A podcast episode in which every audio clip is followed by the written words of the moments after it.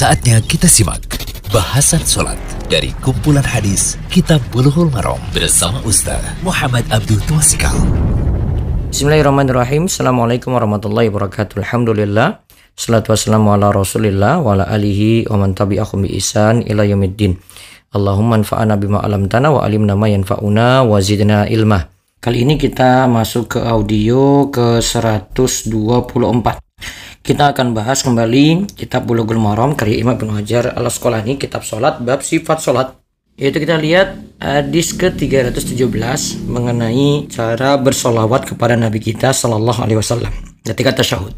Hadisnya an Abi Mas'ud Al-Ansari radhiyallahu anhu qal qala Bashir bin Sa'ad ya Rasulullah amaronallahu an nusalliya alaika fa kaifa nusalli alaika fasakata Summa qal Qulu Allahumma salli ala Muhammad wa ala ali Muhammad kama sallaita ala Ibrahim wa barik ala Muhammad wa ala ali Muhammad kama barakta ala ali Ibrahim fil alamin innaka Hamidum Majid. Wassalamu kama alimtum. Atau ini bisa juga dibaca wassalamu kama ulimtum. Rawahu Muslimun. Wa zada Ibnu Khuzaimah fihi fa kaifa nusalli alayka idza nahnu sallaina alayka fi salatina. Dari Abu Mas'ud Al-Ansari radhiyallahu anhu ia berkata bahwa Bashir bin Sa'ad berkata, "Wahai Rasulullah, Allah memerintahkan kepada kami untuk berselawat kepadamu. Bagaimanakah cara kami berselawat kepadamu?" Beliau diam, kemudian bersabda, "Ucapkanlah Allahumma salli ala Muhammad wa ala ali Muhammad kama sallaita ala ali Ibrahim wa barik ala Muhammad wa ala ali Muhammad."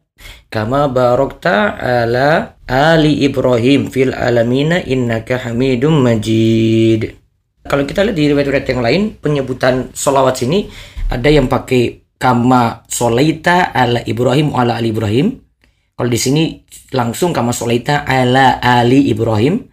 Juga kama barokta ala ali Ibrahim di sini ya. Namun di tempat yang lain ada riwayat kama barokta ala Ibrahim wa ala ali Ibrahim. Nah, riwayatnya hampir-hampir mirip saja. Inti, intinya esensialnya adalah uh, di situ ada ucapan solawat. Kita kenal ini dengan solawat Ibrahimiyah. Artinya, ya Allah limpahkanlah rahmat atas Muhammad dan keluarganya. Sebagaimana telah engkau limpahkan rahmat atas keluarga Ibrahim. Berkahilah Muhammad dan keluarganya sebagaimana engkau telah memberkahi keluarga Ibrahim. Di seluruh alam ini engkau maha terpuji dan maha agung. Kemudian ucapan salam, yaitu keselamatan sebagaimana yang telah aku ajarkan kepada kalian. Atau kita katakan sebagaimana yang telah kalian ketahui. Ya, bisa seperti itu juga ya. Maknanya ada dua tadi. Eh, kalau yang pakai teks yang di dalam hadis yang tadi bisa kama alimtum sebagaimana yang telah kalian ketahui. Atau bisa juga kita sebut sebagaimana yang telah aku ajarkan kepada kalian. Baik. Bisa dengan dua makna itu karena tadi lafaznya dibaca wassalamu kama alimtum atau wassalamu kama ulimtum. Ya, dalam hadis tersebut Ibnu Khuzaimah menambahkan bagaimana cara kami bersolawat kepadamu jika kami bersalawat kepadamu di dalam sholat. Nah, di sini kalau kita lihat ada yang menyebutkan tambahan dari Ibnu Khuzaimah tadi dan di antara mereka menyebutkan tambahan ini sebagian yang lain tidak menyebutnya. Ada rukun yang berkata sanad di sini mutasil atau bersambung. Namun tambahan ini dikritik oleh Ibnu Qayyim dengan menyatakan bahwa Ibnu Ishaq itu bersendirian. Al-Hafiz Ibnu Hajar hanya memaksudkan tambahan ini mengenai uh, bagaimanakah cara bersolawat ketika tasawuf di dalam sholat. Nah ini yang disebutkan oleh Aminah Al-Alam. Intinya riwayat ini masih bisa kita pakai. Ya, faedah hadis yang pertama maksud selawat kepada Nabi Muhammad Sallallahu Alaihi Wasallam adalah pujian kepada beliau dengan sanjungan yang indah pada sisi penduduk langit yang tinggi. Jadi ini untuk pujian kepada Nabi SAW dipuji di sisi penduduk langit yang tinggi. Ya, siapa penghuni langit? Para malaikat di situ. Nah, yang dimaksud keluarga Muhammad adalah yang mengikuti beliau dalam hal agama. Nah, ini yang paling mungkin ya. Namun yang masuk pertama kali dalam keluarga Muhammad, ya, yang masuk pertama kali dalam keluarga Muhammad Sallallahu Alaihi Wasallam adalah pengikut dari keluarga dekat beliau, pengikut dari keluarga dekat beliau. Karena keluarga dekat yang mengikuti Nabi Muhammad Shallallahu Alaihi Wasallam memiliki sisi keutamaan sebagai pengikut dan sebagai keluarga dekat. Nah itu keluarga dekat-dekat beliau yang dekat dengan Nabi Shallallahu Alaihi Wasallam dan masuk Islam. Nah itu mereka lebih pantas uh, dapat salawat seperti yang kita ucapkan wa ala ali Muhammad. Terus kalimat kama sholaita ala ali Ibrahim sebagaimana telah engkau limpahkan rahmat atas keluarga Ibrahim. huruf kaf di depan ini bermakna tashbih yaitu berarti menyerupai. Disebut Nabi Ibrahim adalah karena beliau itu keluarganya dan Ibrahim adalah asal sisilah keturunan Nabi Muhammad Shallallahu Alaihi Wasallam. Karena Ibrahim itu keluarganya dan Nabi Ibrahim itu adalah asal silsilah keluarga Nabi Muhammad SAW. Jadi keluarga beliau asalnya dari situ yaitu dari keturunan Ismail ya, di atasnya ya Ibrahim. Namun tampaklah Nabi Muhammad dan keluarganya lebih utama dari Nabi Ibrahim dan keluarganya. Huruf kaf juga bisa bermakna taklil atau alasan. Dan ma di situ adalah ma masdariyah. Ma masdariyah. Sehingga kalimat ini bermakna sebagaimana engkau telah memberikan nikmat berupa selawat kepada keluarga Ibrahim. Berilah salawat pula kepada Muhammad dan keluarganya. Maka di situ menyebutkan dahulu nikmat sebelumnya kepada Nabi Ibrahim sebagai tawasul atau perantara, lalu menyebut salawat kepada Nabi Muhammad. Terus yang keempat, wabarik ala Muhammad, berkailah Muhammad dan keluarganya. Ini adalah doa. Doa ini meminta diturunkannya berkah kepada Rasul Shallallahu Alaihi Wasallam dan kepada keluarganya. Dan makna barokah sudah kita bahas di kesempatan sebelumnya. Kemudian fil alamina, kata alamina berasal dari kata alam, yaitu segala sesuatu selain Allah. Maknanya adalah tampakkanlah selawat dan keberkahan kepada Muhammad dan keluarganya di alam semesta, sebagaimana ditampakkan selawat dan keberkahan kepada Ibrahim dan keluarganya di alam semesta. Kemudian innaka hamidum majid. Engkau maha terpuji dan maha agung. Hamid di sini bisa bermakna fa'il yang memuji hamba dan wali Allah yang menjalankan perintahnya atau bisa bermakna maf'ul yang terpuji di mana Allah itu maha terpuji karena sifatnya yang sempurna. Adapun majid maksudnya adalah bermakna fa'il. Apa makna fa'il? Maha agung dan maha memiliki kekuasaan. Maka nama Allah Al-Hamid dan Al-Majid ini dijadikan sebagai penutup doa selawat kepada Nabi Muhammad sallallahu alaihi wasallam. Maksudnya adalah karena Allah itu telah memuliakan Nabi Muhammad, memujinya ya dan dekat dengannya dan dekat dengan Allah yang membuat Nabi Muhammad Sallallahu Alaihi Wasallam semakin agung dan mulia adalah Allah yang maha terpuji dan maha agung sehingga itulah disebut Al-Hamid dan Al-Hamajid tidak pakai nama Allah yang lainnya. Kemudian yang ketujuh, ucapan salam sudah diajarkan oleh Nabi Muhammad Sallallahu Alaihi Wasallam yaitu pada ucapan dalam tasyahud Assalamualaikum ayuhan Nabi wa rahmatullahi. Dan makna tiap kalimat ini sudah kita jelaskan di audio sebelumnya. Kemudian yang kedelapan, hadis ini mengajarkan bagaimana bersalawat kepada Nabi Shallallahu Alaihi Wasallam saat tahiyat dalam sholat. Lafaz salawat itu beragam sehingga bisa memilih dengan lafaz ini dan berganti dengan lafaz yang lain. Namun jika membatasi hanya pada satu lafaz salawat saja itu dibolehkan. Hendaknya membatasi salawat terbatas pada yang memiliki dalil tanpa menambah atau mengurangi. Kemudian yang kesembilan salawat kepada Nabi Shallallahu Alaihi Wasallam pada tasyahud akhir dihukumi wajib ya bahkan termasuk rukun sholat dan inilah pendapat ulama Syafi'iyah ya. Ini solawat kepada Nabi Muhammad Sallallahu Alaihi Wasallam pada tasyahud akhir. Kemudian pada tasyahud awal sholat kepada Nabi SAW tetap disyariatkan yaitu dihukumi sunnah dalam kurung yaitu sunnah abad ya. Kita sebut dengan sunnah abad. Pendapat sunnah inilah pendapat jadid atau terakhir dari Imam Syafi'i. Terus sholat kepada keluarga Nabi Sallallahu Alaihi Wasallam termasuk sunnah. Kita tepatnya itu masukkan dalam sunnah abad selawat kepada keluarga Nabi ya, pada tasyahud akhir. Itu termasuk sunnah abad. Kemudian selawat kepada Nabi SAW yang terakhir yang nomor 12. Selawat kepada Nabi SAW adalah setelah bacaan tasyahud sebelum berdoa. Nah inilah faedah-faedah berharga dari hadis tentang bacaan selawat ketika tasyahud. Semoga jadi ilmu yang manfaat. Demikian bahasan sholat dari kumpulan hadis Kitab Bulughul Maram bersama Ustaz Muhammad Abdul Tuasikal.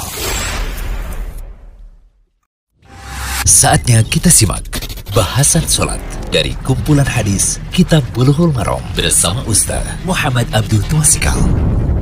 Bismillahirrahmanirrahim. Assalamualaikum warahmatullahi wabarakatuh. Alhamdulillah. Salatu wassalamu ala rasulillah wa ala alihi wa man tabi'ahum bi isan ila yaumiddin. Allahumma anfa'ana bima alamtana wa alimna ma yanfa'una wa zidna ilmah. Kali ini kita masuk ke audio ke 124. Kita akan bahas kembali kitab Bulughul Maram karya Imam Ibnu Hajar al Asqalani kitab salat bab sifat salat. Yaitu kita lihat hadis ke-317 mengenai cara bersolawat kepada Nabi kita Sallallahu Alaihi Wasallam. ketika tasyahud. Hadisnya an Abi Mas'ud Al-Ansari radhiyallahu anhu.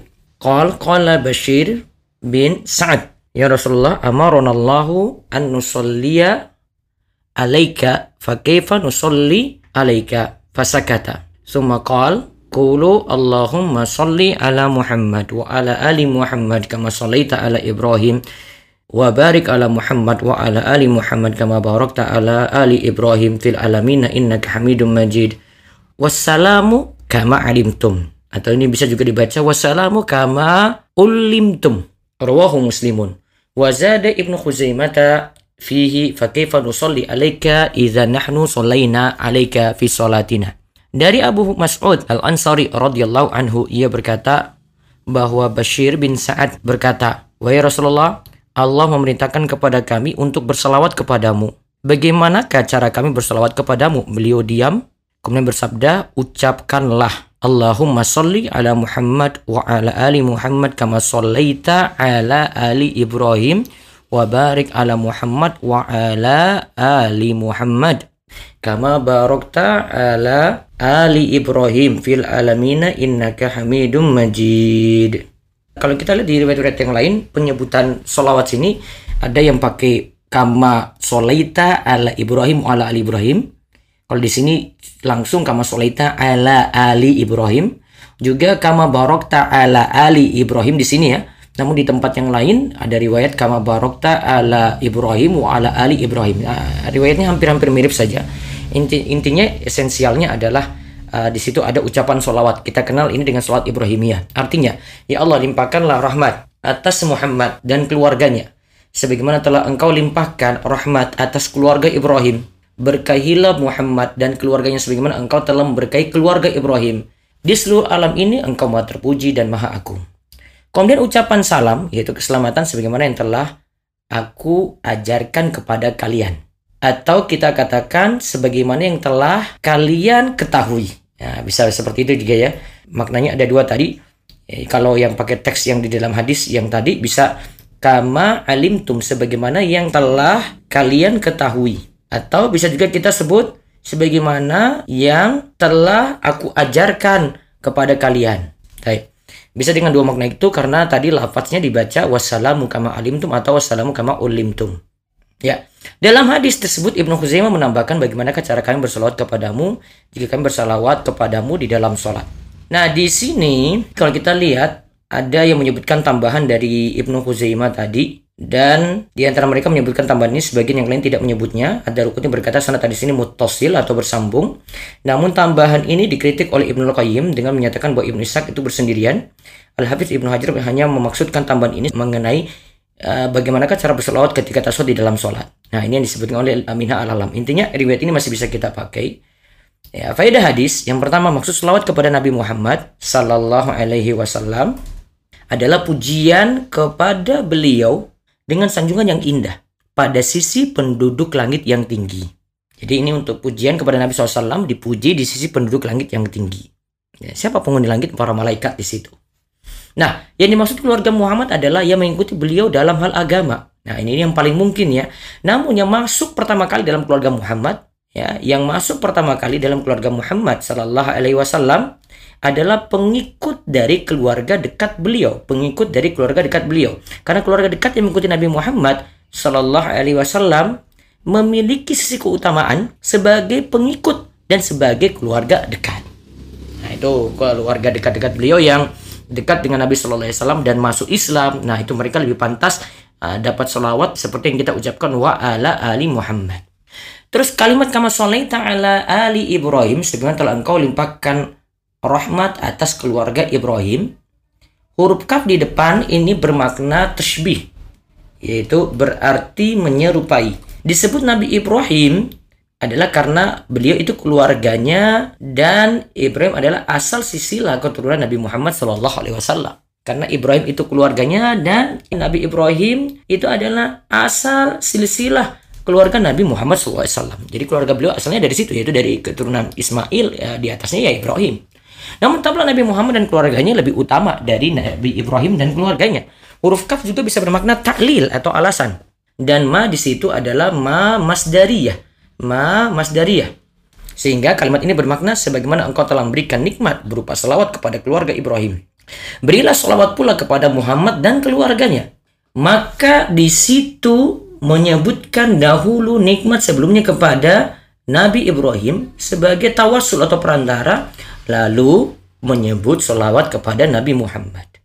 Terus yang keempat, wabarik ala Muhammad, berkailah Muhammad dan keluarganya. Ini adalah doa doa ini meminta diturunkannya berkah kepada Rasul Shallallahu Alaihi Wasallam dan kepada keluarganya dan makna barokah sudah kita bahas di kesempatan sebelumnya.